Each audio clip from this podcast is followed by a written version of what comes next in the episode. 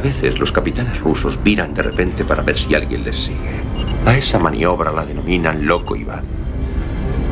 Lo único que puedes hacer es parar en seco tu nave y esperar los acontecimientos.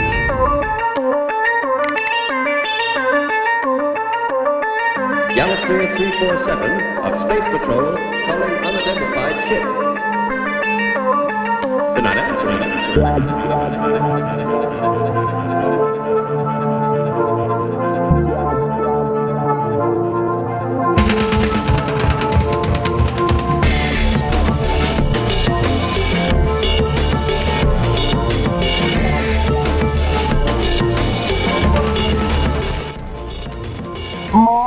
boas noites a todos e a todas. Prepárense para pasar unha hora repleta de aventuras a bordo do submarino nucelar máis intrépido de toda Unión Soviética. Esta noite falamos dun dos nosos temas favoritos que non pode ser outro que a censura. Por que? Porque nos Pois como a vos comunistas nos encanta censura, pero sempre que é unha censura necesaria, cousas que vostedes non teñen por que saber. Vamos a falar de censura boa e, por suposto, a censura que non nos gusta.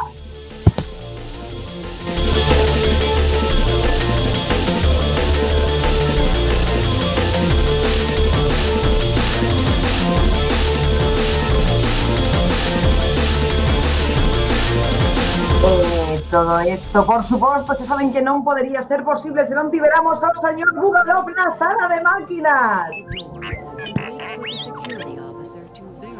Se non estivera, por suposto, sempre a miña esquerda, a miña sinistra, o gran chefe de torpedos, o camarada Lamelo. Gracias, camarada, moi boa noite, gran e único. Chefe de torpedos. por eso, por eso é todavía máis grande se non estivera sempre eh, unindo entre, entre, entre as follas dos libros, se non tiveramos autobaixes membrellet na biblioteca. Boas noites a todas e a todos, camaradas. Temos por aí, non sei se está xa a bordo do submarino a Tomaris Beosca. Sí, a mí o de censurar sempre me parece estupendo. Incluso cando ten que ser os superiores, pero hai que saber censurar ben. Beosca é unha gran censuradora, tamén logo se conectará a camarada en prácticas Mirova, sauda vos a capitana Sletana Ibarru, listo loco Iván, comezamos!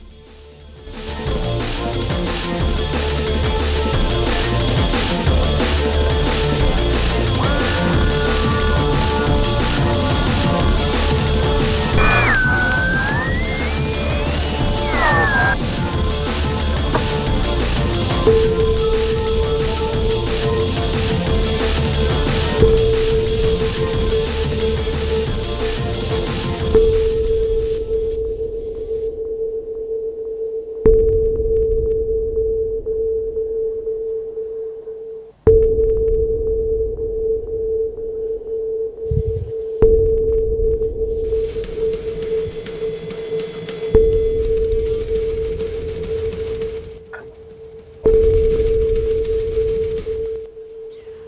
dato importante antes de que sigamos eh, falando de censura, que é o que vai o programa de hoxe. Antes de nada, como aquí non hai censura, nos poden insultar todo o que queiran a través de redes sociais ou incluso por teléfono, pagamos un repaso aos números, os que deben chamar e pois as arrobas que hai que poñer para entrar en contacto co submarino soviético máis intrépido da Unión Soviética. Por favor, eh, camarada Lamelo, Pois en redes sociais temos no Facebook e en Twitter pois arroba loco Iván Cuac e no Mastodon simplemente eh, arroba loco Iván. E aí poden insultarnos, incluso poñernos ben. Perfecto. E, eh, Tovarixes Mendrelles, por favor, repaso o número de teléfono, sé que os sabe realmente. Para poñernos podres en riguroso directo, chamen o 644 737303 644 73 73 03. Perfecto, pois vamos adiante, comezamos a singradura polas procelosas augas do río Monelos e toca o turno, creo que o camarada Lamelo que nos vai contar as súas censuras favoritas. Ele é un gran censurador, leva moitos anos no, no, nese traballo. Eh, censura moitas cousas que nadie máis censura que él. eh, Así eu censuro que... todo para eu non ter que ver nada, entón xa non xa non vexo nada, xa é unha censura 100%, xa aquí non, non entra nada, todo perfectamente controlado. En fin, pois se o camarada Vigalov pode darlle lume ao primeiro curte,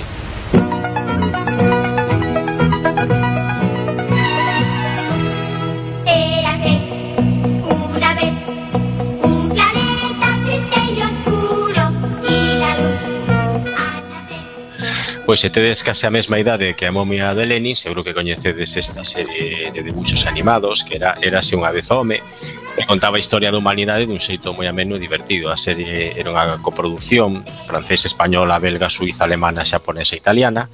Estreouse en Francia no ano 78 e se estendeu por todo o mundo que pasa que, claro, era unha serie que tomaba como referencia a evolución das especies de Darwin, e, claro, non vai a ter doado para escenas, bueno, coa Igrexa Católica, non? Quero dicir, escatolóxica. E eh, a Igrexa, claro, non lle molaba este, esta historia de, do darwinismo, eh, querían que se falase de creación. Entón, bueno, pois, algúns capítulos foron censurados pois, en, en varios países, non? eh, porque sobre todo, por exemplo, eh, pues en, en Latinoamérica eh, eh, e, e tamén pois por aquí no Estado español. Eh, o curioso era que a principal, digamos, eh, censura debeuse, eh, pois, por, por lo menos neste país, debeuse a que, digamos, trataba dun xeito pois negativo a pois, o imperio español pois, do século XVI, porque tiña como especie de contido antihispano, non? entón pois non lles non lles molaba nada eso de que de que se falara mal de digamos das barbaries que se fixeron por ali por aqueles polo outro lado do, do charco, non? Dende logo non se pode andar matando xente tranquilamente. Claro, claro, que vamos, non non sei por que É unha pouca de viruela e un xa lle chaman cabrón. Pois sí. E, por suposto, bueno, tamén censuraron esceas que había con desnudeces femininas que había, pois, pues, algunhas nos, nos diferentes capítulos, non eso, pois, pues, claro, eh, uns dibuxos aí de desnudeces, pois, pues, non podía ser. No Chile de Pinochet, que sorpresa, claro, tamén censuraron varios capítulos nos que falaban de revolucións sociais e obrigaron a poñer nas portadas das versión de en cómic, que tamén había cómics de, de, da serie, pois un cartaz aí con debuxo feito por, por, por un artista que no que poñía tamén en, en texto ao comenzo de todo estaba Deus, vale, para decir, bueno, sí que evolución tal, pero antes estaba Deus, ¿no? En Argentina, a ditadura de Videla tamén censurou varios capítulos e manipularon outros porque pensaban que podía ofender a Iglesia Católica. En a versión de cómic, ademais de poñer tamén pois o de o de que a principio de todo de todo estaba Deus, fixeron un cómic a maiores onde se descataba, se destacaba o papel da Igrexa. E logo en Ecuador, Colombia e México tamén engadiron esa páxina de Deus que fixeran en, en Chile. Ecuador en Ecuador eh, e tamén, por suposto, eliminaron os capítulos das, das mulleres en, en Cirolas. Que cousa. Sí.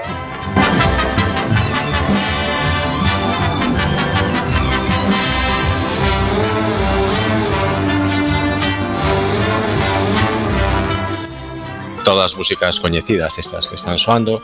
Os Sensor Eleven son os 11 cortos de Looney Tunes e Merry Melodies emitidos por primeira vez no ano entre, bueno, entre os anos 31 e 44 que a United Artists decidiu xubilaren no ano 68 por contenido racista, é dicir, Pensade, no ano 31 comezaron a emitirse e decidiron no ano 68 que igual eran demasiado racistas, o sea, tardaron un pouquiño, un pouquiño tardaron en decatarse. anos en darse conta, pero bueno, sí. hai xente que todavía non se deu conta a día de hoxe. Non se ¿eh? decatou, ainda están todavía. Que, Que pues igual, Con reflexos da xente, se son lentos de reflexos, son lentos, Claro, e que lle reta. Pois os títulos incluían unha versión de Blancaneves con personaxes negros polos que xa protestara a Asociación polo Dereitos Civis antes da súa estrea. Eh, e outra de Recitos Douros con osos que tocan jazz. Eh, e nun deses curtos tamén aparece o propio Bugs Bunny a quen intenta cazar un negro ludópata e algo babeco. Entón, bueno, pois digamos que eso mm, penso que ben censurado estaban, pero igual deberían de ter correxido un poquinho antes, non? Logo tamén sabedes que os Tiny Toons estes eran pues, a versión de bueno, dos, dos, dos pequenos, ¿no? das, das criaturiñas de Bugs Bunny e todos estos. Pois Bugs Bunny porque Lucas eh, nun capítulo bebe unha cervexa nun episodio dos Tiny Toons no ano 91. Eh, pois o beben entre os tres Entón, di, bueno, pero iso non é propio e tal. E dice, sei, no, pero neste episodio imos mostrar os perigos do alcohol, non? Entón, era un, un episodio que querían, pues eso, eh, concienciar a rapazada de que non beberan.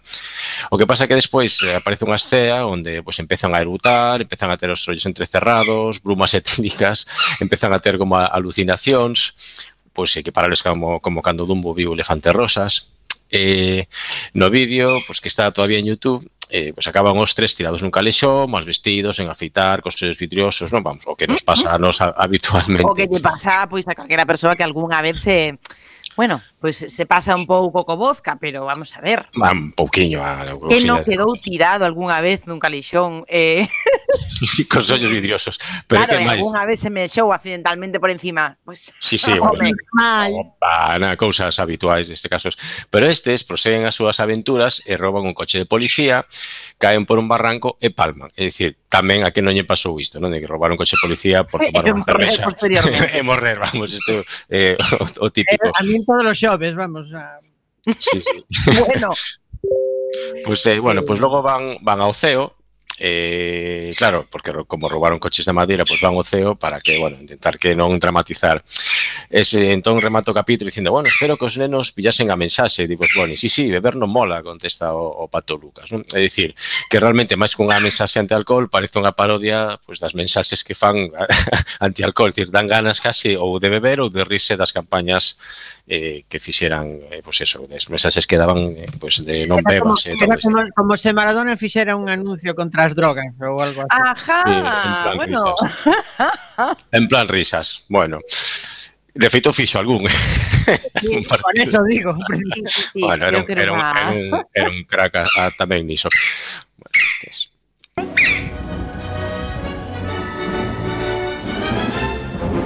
¡Viva! Oye, Terras, ¿qué fue lo que le dijo el cura español al ginecólogo iraní?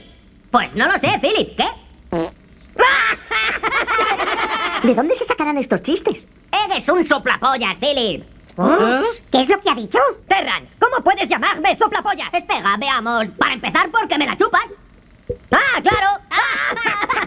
Hay que joderse, que te folle un pez. Tú sí que eres un hijo puta lameculos. Tú sí que eres un hijo puta lameculos. Escúchame, chapero come mierda. ¿Chapero come mierda? Chapero come mierda. ¡Que te den por culo! ¡Que te den a ti por culo! Eres un cabrón, hijo puta. Un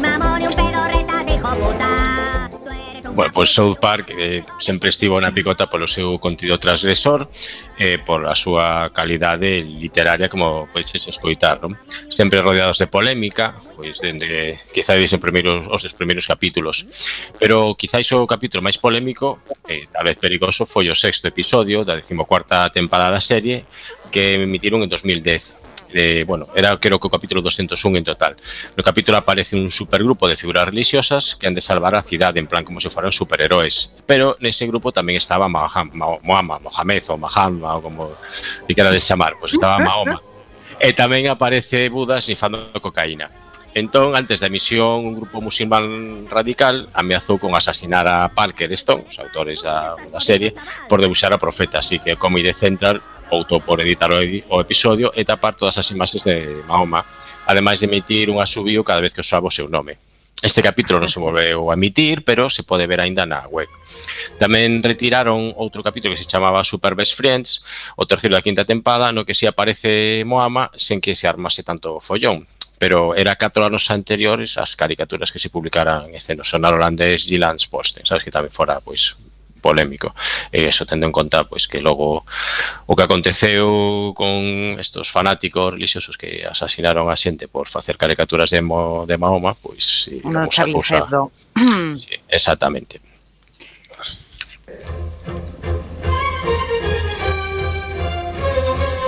Mientras andábamos por el borde del muelle, iba yo aparentemente tranquilo, pero cavilando todo el tiempo.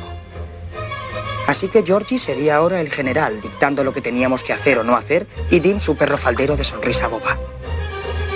Pero de repente caí en la cuenta que el pensar es para los atristos, y que los omniosos cuentan con la inspiración y con lo que el deñor manda. Porque ahora venía en mi ayuda una música deliciosa. Había una ventana abierta, con un tocadiscos en marcha y enseguida videé el camino a seguir. unha das películas máis polémicas da historia, que é a de A laranxa mecánica, de, do señal Stanley Kubrick, que tamén, bueno, tivo ten unha, unha carreira bastante polémica, polo menos, bueno, que sempre será controversia. A estrela no Estado español tivo lugar en plena ditadura franquista e ademais en Valladolid, por se fora pouco.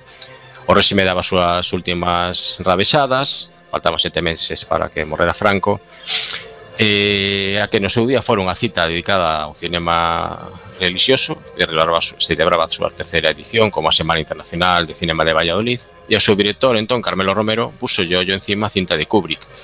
Era moi arriscado para España dos primeiros anos 70 e ademais estaba precedida dunha polémica como poucas veces se vira nunha película na historia do cine. A película estreouse no ano 71, 4 anos antes do seu paso pola Seminci, no Reino Unido. E o alboroto que se causou foi tal que o propio Kubrick decidiu que a Warner retirara a película das salas comerciais unha autocensura imposta polo director que, bueno, pues obrigou a que esa película non se estreara no país ata o ano 2000, dicir, ata a década dos anos 2000, dicir, que estivo aí moitísimos anos sen que a no Reino Unido. Foi obxeto de censura en numerosos países e, por suposto, España non foi unha excepción, agás isto da, da Seminci. Non foi sinxelo de conseguir que a lanza mecánica se estrease en Valladolid, o director tivo que convencer primeiro a xunta de censura e por esta parte o truco que empregou foi como, como que era unha especie de experimento para ver como reaccionaba pois, os espectadores non? nas salas comerciais. Deixeme claro. reaccionaron mal. Sí, pois sí. bueno, houbo colas, pero colas de, de mogollón de, de grandes de 24 horas antes para intentar acceder ao, ao cine, non? O que foi máis complicado din que foi convencer a Stanley Kubrick, o director que era supermaniático, que quería controlar todo na exhibición das películas, incluso que chegaba ata controlar a quen quería eh, dirixir, o sea, quen, quen serían os actores de dobraxe, que por certo en Resplandor caga unha de pleno. Bueno, pois pues, iba a decir, pois, pois oye, non o fixo moi ben, eh, porque no, no. Eh, vamos. casi mellor era que se, que deixar ese tema noutras máis, porque vamos, no... Bueno, menos Verónica Forqué. Sí, eu, pero... Eh, eu son defensora de, de Verónica Forqué, pero vamos, sí, o demais... Nese dobrase, eh, en fin, eh, Bueno, o caso que o tipo non quería que se proxetara na Seminci. No? E a tres días da estrea, o propio director do festival recibiu unha chamada da Warner solicitando a devolución da cinta para que a revisaran. E a seguinte noticia que recibiu foi que a copia non hai ser enviada a Valladolid por decisión do director. No? Pero a negociación saldouse coa promesa de estrear na universidade baixo todo tipo de indicacións técnicas detalladas polo cineasta. Pero o director da, da Seminci pois, enganou a Kubrick para asegurar a exhibición da cinta, pero a película estreouse no Cinema Coca curiosamente, seguida de outro pase no Teatro Carrión, que son os cines da Valladolid que coñecerán eles, non teño nin flores. Pocas horas antes de que abrís o despacho de billetes, Carmelo Romero recibía noticia de que non había entradas porque o xerente do Carrión as distribuía entre os colegas. E ao final realizouse a carreira unha nova tirada de localidades para que poder acceder a xente. E por se fora pouco, cando fora a estrela, pois durante a proxección recibiran un aviso de bomba e Romero, ainda así, decidiu non interromper a proxección e finalmente pues, era unha, un aviso falso. Pero yo, porque nesa época un aviso de bomba, pois non era para tomar de coña, vale? Pois, a, en fin, o caso é que ao final se estrearon e houve, puf, moitísima, moitísima, moitísima polémica. Bueno, un gran peliculón de todos xeitos.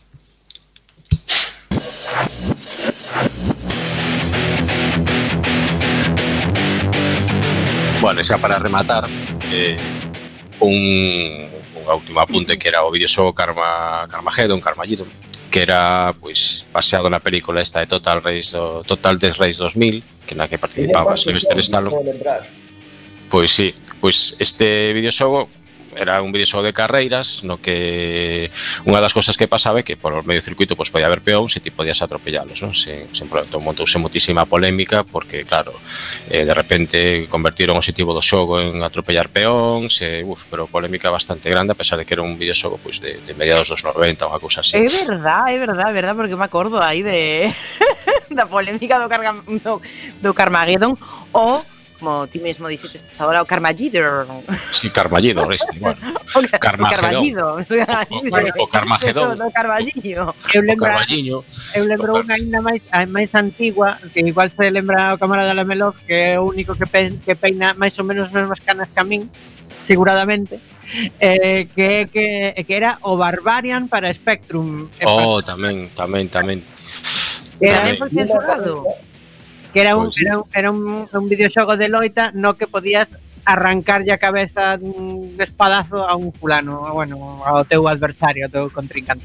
Con calidade gráfica, pues, eh, bueno, daquela época e tal, pero que se sí, 48K. Sí, sí. Pero Carballido sí que fora, fora unha pasada, eh, de, de, de polémicas en todos os medios e tal, de repente o objetivo eran atropellar eh, peóns, que normalmente o objetivo era gañar a carreira, pero claro, ti atropellabas eh, peóns de todo tipo. E logo, pues, tiveron que facer unha versión en algúns países onde só podías atropellar zombies, que fora... Esa era que bueno. teña el pirata. Bueno, pois eu xa rematei xa pa sempre. pois oye, eh, poucas poucas censuras, ti co censurador que eres. Eh, quen é o seguinte? O seguinte debe ser, se estou mirando ben o guión sacrosanto escrito nas escrito nas tabuas da lei, será Esmendrellev? Pois penso que sí, capitana. Entón, eh, bueno, o primeiro comentar que falar deste tipo de, de xogos non, que poden ser ter certa polémica, que lembrei-me dun que era un pouco peculiar, que hoxe por hoxe, Eh, penso que esa sería un pouco mesmo máis vilipendiado que foi que era Under Wars. Lembraste dela, menor? Sí, ben perfectamente. Que este pois tiña unha certa graza, entre outras cousas, porque, bueno, era todo bastante... Bueno, básicamente trata sobre unha guerra dos sexos, pero de verdades, non? Os sexos viven separados, reproducense pois clónicamente, as pantallas que son dos homes son todo eternas cervecerías, as pantallas que son de mulleres son todo eternas tendas de roupa e o rollo vai de cometer atentados terroristas no gabito do outro sexo. E fora tamén así, oír algún comentario xa na súa época. Pero bueno, o meu, eh, poderías poñer camarada a primeira curte, camarada Bugalov?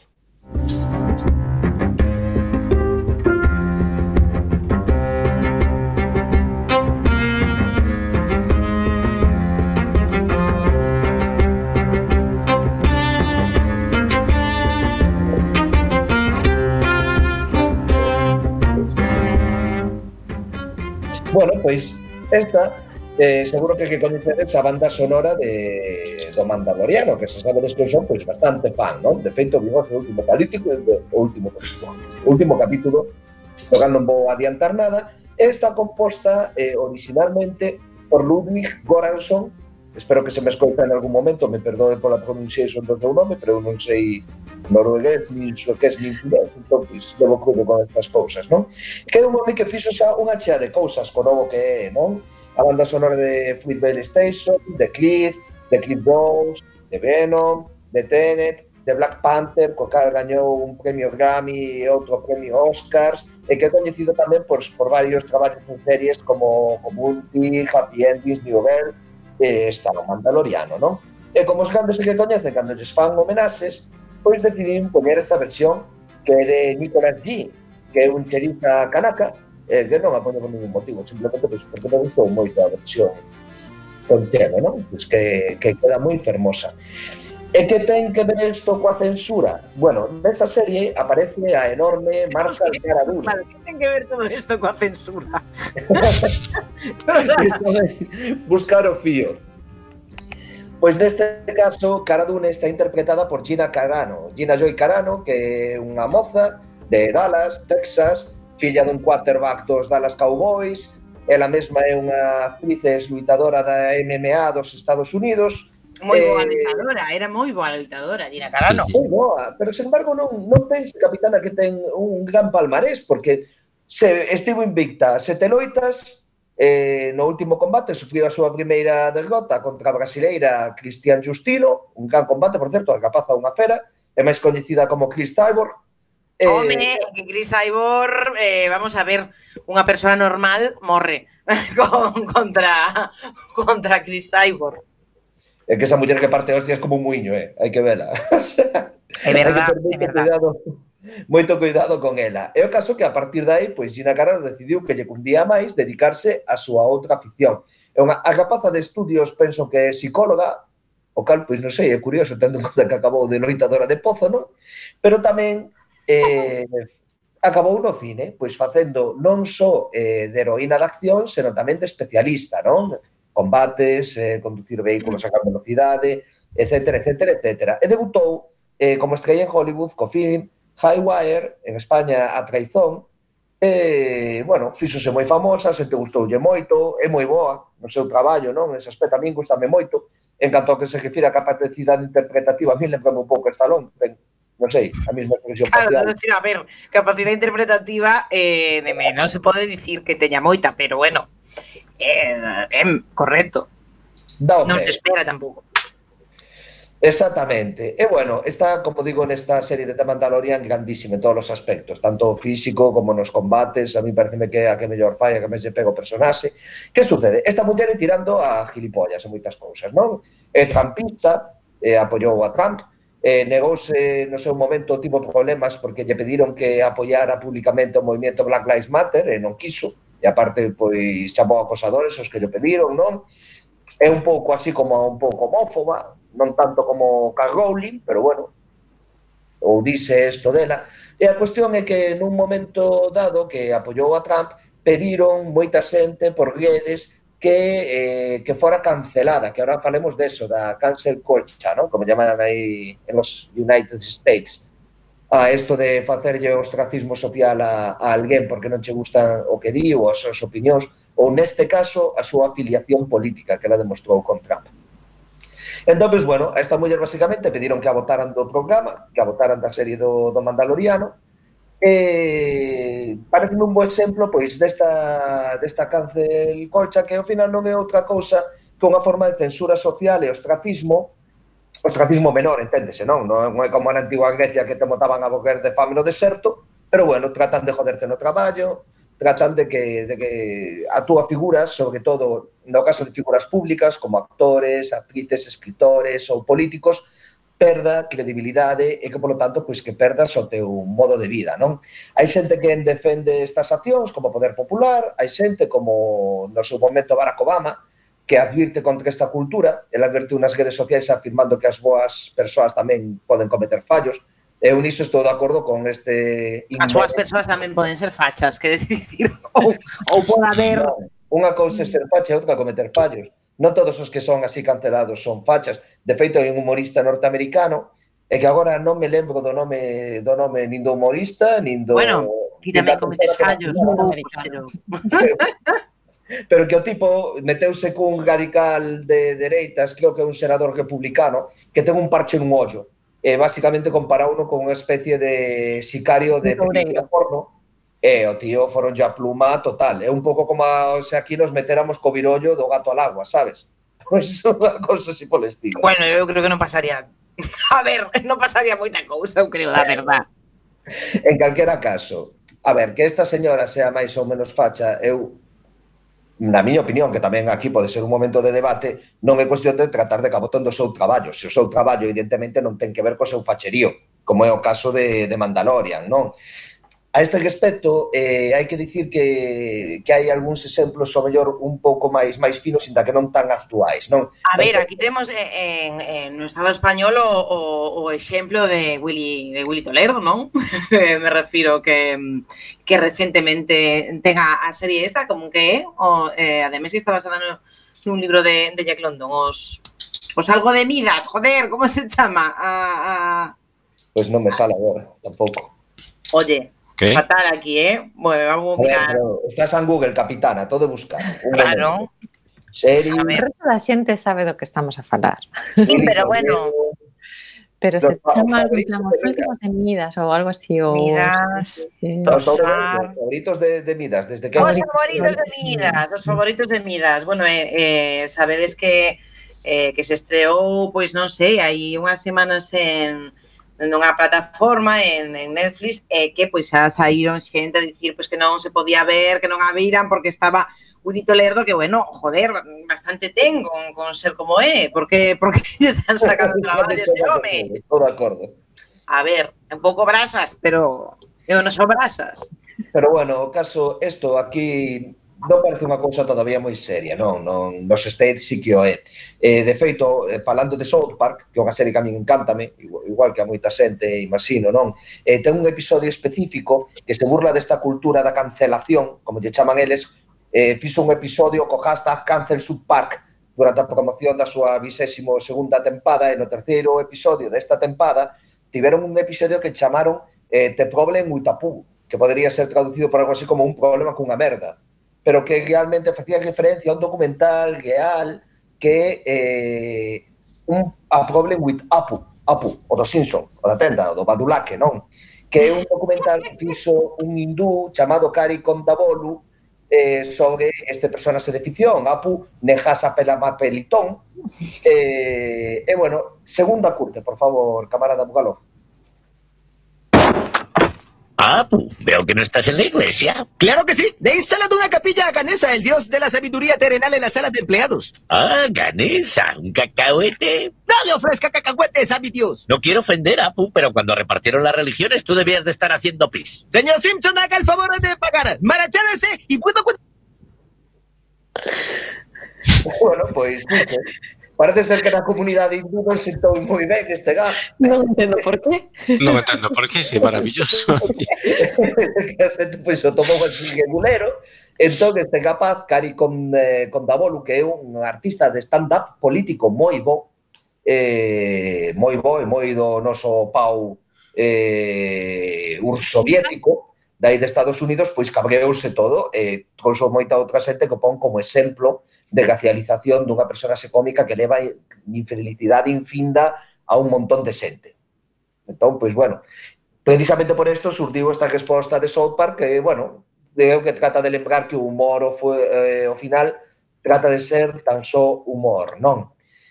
Outro caso que me parece bastante arquetípico eh, foi o que ten que ver coa nave espacial Rosetta. Non sei se vos sona. A nave espacial? Ah, a nave espacial Rosetta foi a primeira que conseguiu aterrar nun cometa. Perdón, eh, Lamelov. Sí, sí, no, iso que o que es decir, unha nave espacial que, que enviaron para tomar eso, eh, mostras dun, dun cometa, un asteroide ou algo así, non era? No, no, perdón, é que aquí o que pasaba que eu eh, non vos estaba entendendo o que o que dicíades, entendía ah. a nave, a nave Z. Roseta. Claro, pois pues está. non sei que por igual era así, modo champiñón. Chamabas así pola pedra Roseta. Bueno, o caso é que nese caso a misión espacial atraeu interese de medio mundo, monopolizou tuís, titulares, etc, etc. Eh, ademais, levou a máximo expoñente a calguera dunha persona concreta, no? o científico xefe das operacións da Xencia Espacial Europea, que é un geborgo bastante friki, que se chama Matt Taylor, porque levaba unha camisa estampada eh, con dibuxos de unha especie de superheroínas algo escasas de roupa sabes, unha cousa así tipo Lara Croft eh, nos Pero as casas de roupa non, non, non sei de que fala. Eh, Lara Croft, en desa máis, tipo atributos no. femininos nin nin pantalones curtos. Pero bueno, como íbamos dicindo, o caso que tiña estas camisas estampadas con liseiros dibuxiños, non? Eh, pois houve xente que lle sentou moi mal. De feito, apareceu con ela dando as entrevistas, e, eh, bueno, pois foron ya pluma, dixeron que era un machista, o tipo tipo que pedir perdón públicamente, eh, o, prácticamente estaba chorando, a verdade que velo e dir, jove, pois igual a resposta é certo que o tipo non tiña o mellor que ir vestido así a un evento oficial que representa a Xencia Espacial Europea, non? A ver, que Pero... era un señor que non tiña vida social, eh? O sea, que estamos... Igual a... non tiña nin camisas. Claro, estamos a falar dun físico teórico, jope, esa xente non vive. Claro, esa xente non sabe cando ofende porque o sea, porque os crían un claro. doiro fora da, da sociedade, claro, claro. Ah, estamos os, esos grandes científicos os, digo que están esos eh, e tamén os xefes de torpedos están na mesma na mesma liña claro, de como, acción social. Claro, exactamente, tí, é como se ti lle, lle pides eh, lle pides a, a, ao camarada Lamelov que el se dé se dé conta de cando de cando ofende a sociedade capitalista, pois non é claro. consciente. E non, non o sabe porque vive nun, vamos, El vive nunha, nunha utopía feita realidade, non? Teño unhas camisas hawaianas que lo flipas. Bueno, a camisa era medio hawaiana, pero bueno, con señoras. A cuestión que isto ten outro ingi é que a camisa fixera unha amiga suya, súa que é deseñadora, dibujante de cómics, e, eh, e que lle pediu que a levase para entrevista, un pouco imagino para publicitar o seu traballo. E que mentras que lle foi un pouco mal, pois pues ela foi moi ben. Parece ser que multiplicou os pedidos. Ai, non me podo creer que un, que un rato de biblioteca como este señor tivese unha amiga de, de buxante de cómics. Bueno, sí, mellor existe e vete as camisas. entón, pois, algo por... certo hai a priori ou a posteriori. Se for un amigo de buxante de cómics xa sería perfecto. Sería, vamos, o cliché mallao. E o caso que, bueno, pois nada, eu só quería contar isto e para que matar iba a poñer a miña canción favorita de South Park, pero como xa falamos deles, pois non se é apropiado. Segundo ves a cámara da Burnout, se o ves xeitoso, pois poña uns segundos para que disfrutemos, e senón, pois non pasa nada. Imos ao seguinte. Eh, alguna canción de Navidad que no mencione a Jesús ni a Santa Claus? Sí, Eric. Una que dice, la madre de Kyle es una puta, en no menor. Te he dicho que no le llames puta a mi madre, Carmen. Ella es muy puta, una puta bruta, la puta más puta que Dios creó. Una gorda fofa de nalgas flojas. ¡Me cago en la madre que la parió! ¡Calla, Carmen! Aquí estoy, señor mojón. Hoy es puta, mañana es puta, toda la semana es un putón. Y el domingo, por ser distinto de una puta, es un gran putón. ¡Yeah! ¿Habrás visto niño más mal criado? Espera, que te voy a dar una buena lección. La mamá de mi amigo Kyle es la puta más fea que Dios creó. Una puta mala, una puta rara. Putón. La madre de Kyle, la madre que la parió. ¡Vieja y puta! ¡Señor! Fantástico. Pero que, que vamos mal de tempo, nos vamos para a sala de radio xa. Correndo.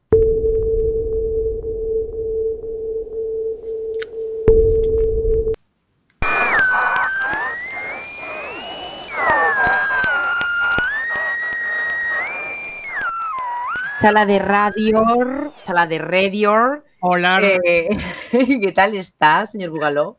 Pois pues moi ben, moi ben.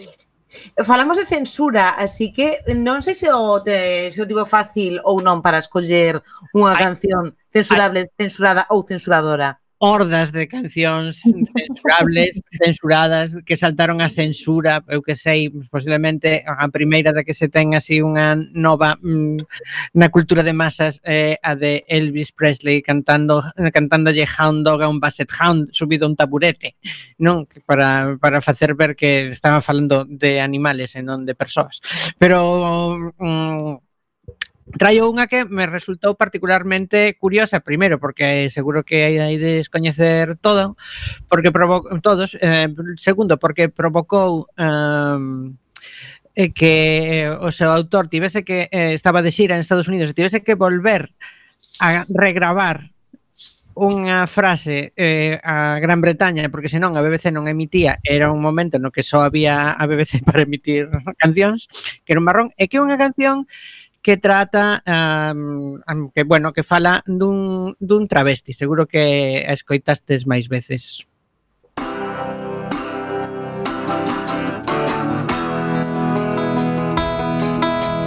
met her in a club down in Old Soho Where you drink champagne and it tastes just like Coca-Cola.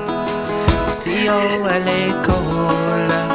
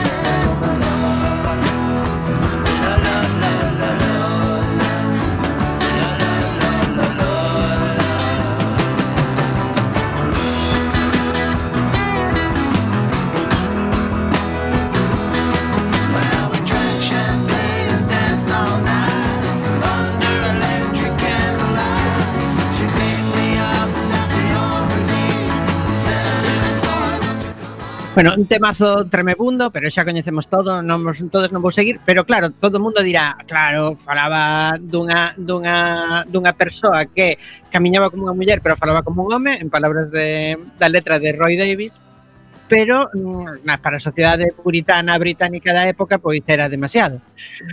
Pero non, non foi por iso que a censuraron. Vos vou poñer por que a censuraron a ver se pillades o, o asunto. Está xusto no principio. Esta é a versión censurada.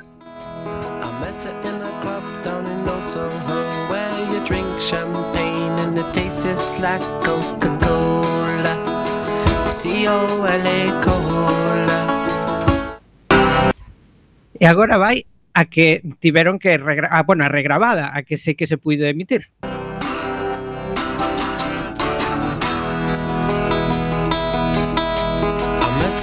club down in champagne and it tastes just like cherry cola. C-O-L-A Cola. Chirricola. Cherricola. Ajá. Es correcto. Resulta que a BBC non permitía facer publicidade e a voz de Roy Davis tivo que volar dende eh, Os Ángeles e non de San Rafael precisamente ata Londres para gravar, eh, quitar Coca-Cola e cambiarlo por Cherry Cola. Pero porque se estaba adiantando o nacemento e fracaso absoluto da Cherricola. Da Cherricola, da Cherricola. Por outro lado. Foi un ventor da Cherricola sen querer. Non sacaron a idea de aí, a saber. A Cherricola... Eh, a Cherricola que esa é eh, tan infame que... Oh, Dios mío, non me podo creer que este discrepando con Moledo por primeira vez na miña vida. Non me digas que che gusta a ver, isto. Flipame. a Cherriña Peso xa non, xa non a venden, eso, xa non a venden. No, pero cando era pequena, era, estaba riquísima, o sea, parecía pero bueno. Está rica, eso era, era Vamos, vamos, vamos. Sí, diga, probei, diga, probei, non sei. Os Kings se pasaron de capitalistas e os mandaron ao rincón de pensar. eh, eh, a facer un viaxe interoceánico. Oh, eh, por min xa está, porque é unha, é unha censura enganosa. É unha censura enganosa porque nós mesmos nos estamos censurando pensando que por outra cosa. Claro, claro, claro. Estupendo, estupendo, me encanta. Estupendo incluso, sí. Pois eh, saímos da sala de radio e eu creo que lle toca a Mirova a atentas ao tempo porque Oye. logo tamén eh, temos aí sí. a gran Toparis Beosca esperando vou tentar contarvos a miña movida en nanosegundos. Si total... No, no, no, tampouco, eh, non quero, non quero poñerte eh, nunha situación no, pero, tensión. A ver, nos queda un cuarto de hora, además, o sea que tampouco... Pero, pero vamos. Pero non me enredes, non me enredes, señora capitana. Bueno, a movida é que eh, aquí como parto de Bolseira veño a falar de cousas que ou probablemente xa todo o mundo coñece ou non resultan ni sequera sorprendentes, pero vaya, para que me pagades ben vale. Eh, o caso é que outro día, mentre estaba aquí fregando os chans, escoitaba a unha das miñas señoras de referencia, que algún día falaremos dela, merece un programa propio, que é Nieves con Costrina. E ah, Nieves con Costrina falaba... Grande, grande. Sí, gigantesca, é unha muller maravillosa. Eh, pois outro día falaba sobre a censura, sobre o Papa Pío XI e o catolicismo máis recalcitrante, que eu creo que isto é pois un sinónimo, pero vaya. Eh, o caso é que con Costrina contaba, ela con bastante máis gracia que a min, que no 1929 se celebrou en París o primeiro Congreso Católico Francés do Cinema, no que uns avezados me apilas entiendo que puedo decirme a pilas, eh, decidieron censurar... No puedes decir avezados, que ni esa... Claro, no me apilas. Compañeros. decidieron censurar estos buenos señores, señores todos ellos, claro, eh, decidieron censurar toda canta película se estreara a Tentón, eh, siguiendo criterios bastante aleatorios, por otra parte. Eh, claro, como no glorioso Estado español non podían ser menos, tomaron nota de todos estes delirantes apuntes gabachos e decidiron facer o propio uns anos máis tarde. Por suposto. O caso é que a Igrexa Católica durante o franquismo creou ollo a este nome, eh? o Secretariado de Espectáculos de Acción Católica, que dito así soa como a la hostia, ah, pero en absoluto. Ah. A cousa é que esta institución era encargada de censurar o cine que se estreaba e catalogalo para salvar a moral do honroso cidadán español que sei que andaba un pouco a merced do diaño por aquel entón. Eh, o caso é que neste tempo se crearon distintos boletíns ou revistas como Filmor, que pertencía á Confederación de Pais de Familia contra o Film Inmoral, que me parece un nome total. Rencor de nome. Filmor. Filmor. Filmor. Filmor. e tamén revistas de crítica cinematográfica eh, como Eclesia ou Signo. Estas publicacións tiñan un código de censura tan delirante eh, que a verdade que bastante, acaba sendo bastante divertido, que se baseaba en cores, como por exemplo, etiqueta branca significaba que era unha película para todos os públicos, a azul para xente nova e maiores, a rosa só para maiores. A granate considerábase perigosa, ou vaya, que igual se cadra te facía pensar. E o resto estaban prohibidas. Eu o que eu tamén yo que ainda me lembro dos dous gombos. Claro, isto era unha cousa así, pero eh, bastante, bastante, bastante máis puritana. O caso é que, para min, o que máis coña ten de todo este asunto é que estes supostos guardiáns da moral, para poder catalogar todo ese cine impío que o resto dos españois de ben non podían ver, poñense morados claro, puñanse morados, o sea, os señores estaban aí dixerindo, veña cachas, veña bicos, veña tal. Eh, e despois decidían que se ti facías o mesmo que a eles, eras un mal católico, ou algo peor, yo que sei, un libre pensador ou algo así. Eles confesaban despois. Claro, sí, o Messi. Claro, pero era, era, pasándolo moi mal, vendo esas cousas tan terribles. Comulgaban con whisky en poga, claro. Logo teño que beber para esquecer. Total, E isto para rematar, que fun buscar así por ofrecervos alternativas culturais para estes días, eh, a lista de películas etiquetadas como brancas eh, dunha das publicacións, no? para facervos a miña proposta de ocio, pois iso, para esta fin de semana. Así que tomade nota que vos traio unhas cantas para salvar a vosa que alma. Que son brancas, que podemos claro, ver brancas, completamente. Pode ver con calquera, sí, con toda a vosa familia. Eh, e que servirán pois para salvar a vosa alma e expiar un pouco esta vida pecadenta que levamos aquí encerrados todos un pouquiño. Bueno, non todos, eh? Por algúns. algúns. O caso é que, con etiqueta branca e salvadas de toda mácula, tendes títulos tan suxerentes como a xa coñecida Marcelino Pan e Vino, Ai, El Marcelino padre- Panivino. El Padre Pitillo, que eu teño grandes preguntas con este, con este título. El Padre Pitillo. El Padre Pitillo. El Porque beso de ser, recordemos, el Padre Piquillo de, de- Papá Piquillo, papá Piquillo. Gran película, eu adoro. Como se chamaba? Señor de chiquito de la calzada. Pero non era esa. Estrella total. Sospeito, sospeito que non era esa. Eh, despois hai outras películas como El beso de Judas ou Sor intrépida, que a min esta me, me produce ah, esa curiosidade. Sor intrépida a favor. O caso, Boa, non me digades, non me digades. Un escopeta Mosberg como facía Guppy Goldberg en Sisterate, eso mola. Son intrépida. Hombre, hombre son intrépida. De asisterá que aquí apunta dos, dos zapatos. Bueno, caso, no sé si están en Netflix, pero ahí. Bueno, bueno, bueno, bueno. y ya está, y ya está. Drama religioso, soy intrépida. Estrenado no 52. Drama religioso. Protagonizado por Dominique Blanchard, Francisco Raval. eh, y María Dulce. Francisco Ravalera, era Intrépida. Francisco Raval era Sor era unha historia, tiña como banda sonora Lola dos Kings e falaba, pois... Pues... E bebían cherricola mentras tiñan o cimbrel volando. Pero esperate que Sor Intrépida... Creo que Francisco Raval esta foto que me sale... Pero atención, porque como se espera de verdad o que, o que, o que dio Camaradas Mendrellev? Como, como podes saber esta película? Ay, Soledad é unha famosa cantante que un día decide ingresar nun convento, pasando a chamarse Sor María de la Asunción. Wow.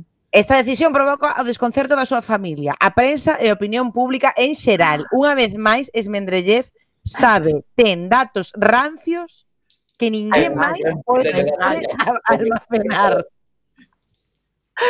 Bueno, pois pues iso, pois pues iso, xa non teño nada máis que dicir, o sea, xa me acaba de reventar a sección, así que... Serio que non vas falar de Mogambo. Vas a deixar así. Parecenos moi mal. Vamos deixalo claro, claro. Case que eh, nas postrimerías dos tempos, cando eu estaba aí, non hai nin 15 minutos preparando esta sección, tiña pensado, tiña pensado falar de censura cinematográfica franquista, pero claro que esta idea me pareceu moito máis interesante e podíamos comentar, o sea, pensaba en comentar pois o, o xa sabido por todo o mundo o tema da dobraxe como censura, ¿no? como método para censura, eh, como sucederá no caso de pois xa todo o mundo sabe, ou non, o caso de Mogambo, que conta pois a historia dunha infidelidade dun triángulo amoroso no que, pois, para salvar eh, a moral da sociedade española que vise a película naquel momento, decidiron que, en vez de ser dous amantes os protagonistas, pois pasasen a ser dous irmáns. entonces pois, é unha cosa moi pouco enferma.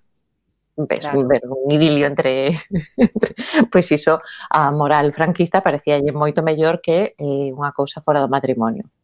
Pero a ver, eso é porque non somos uns decadentes pervertidos. Entón, por ver un home e unha muller despidos fumando na cama, pois xa imaginamos cousas garas. Es que claro, como porque oye, es na túa casa eso, eh, pois pues, eso claro. é habitual, pois pues, mira. Un martes pola tarde, sabes? a mí eso pasoume celes da veces con meu irmán, sabes? Es non queremos saber, non queremos saber. O malo era fumar na cama.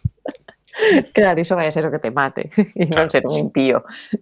Claro, o problema o problema está aí. Que te saian colcha e que Eu que Claro. sei, que te poida sair un fillo con rabo de cocho, ¿no? Pero a decirte movidas. te pode ser un borbón ou algo así.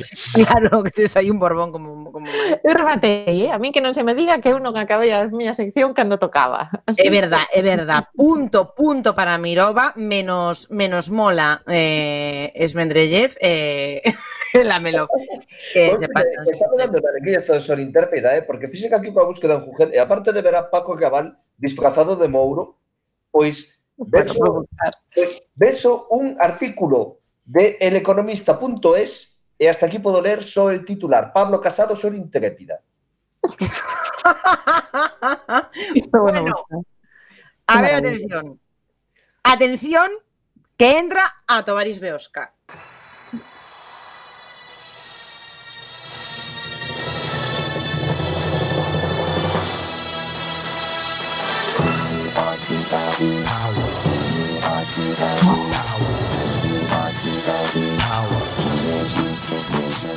Entro imperial con esta música, non me digades que non. Mm. Sí, sí. tremenda que empezar con algunhas series animadas, e bueno, esta era a banda sonora dunha película dos 90 das Tartarugas Ninja. Pois resulta que no, bueno, ao redor do ano 87 empezou unha serie de debuxos animados das Tartarugas Ninja Cando chegou a, a Gran Bretaña, resulta que ali o goberno estaba en plena cruzada contra a violencia nos contidos infantís.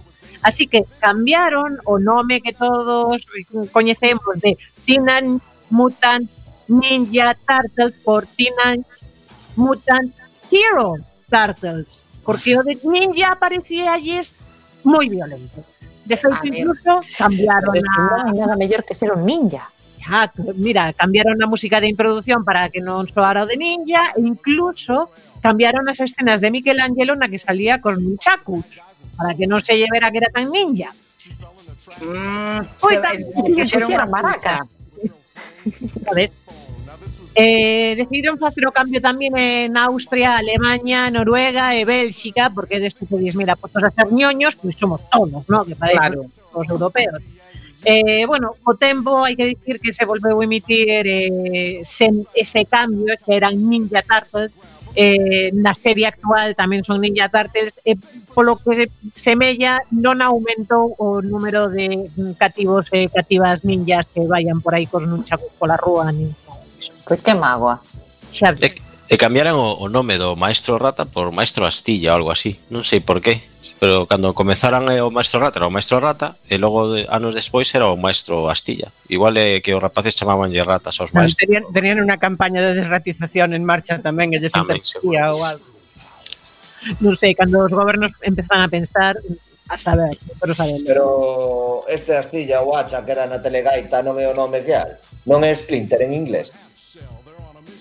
Bueno, sé. que está aquí? Que está vostede aquí? Para fastidiar este programa, ¿eh? Joder, que a mí mola me intrépidas, sabes de todo. ¿Qué, qué, qué pasa? Elegancias como a mí.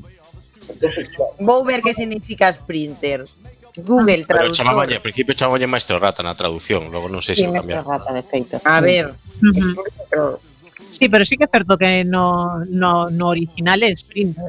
Non sei o que significa Sprinter, pero será para la menor. Sprinter, claro, e me pone el traductor, velocista. Efectivamente, efectivamente.